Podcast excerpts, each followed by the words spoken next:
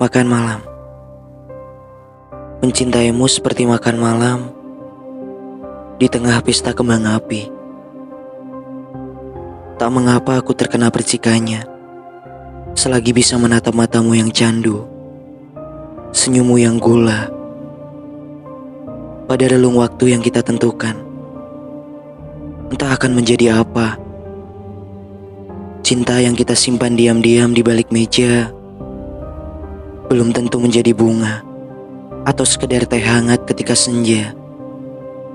Tidak apa-apa. Aku relakan wajahmu terus ada di cermin kamarku. Selama itu juga bunga bermekaran di tiap mimpiku.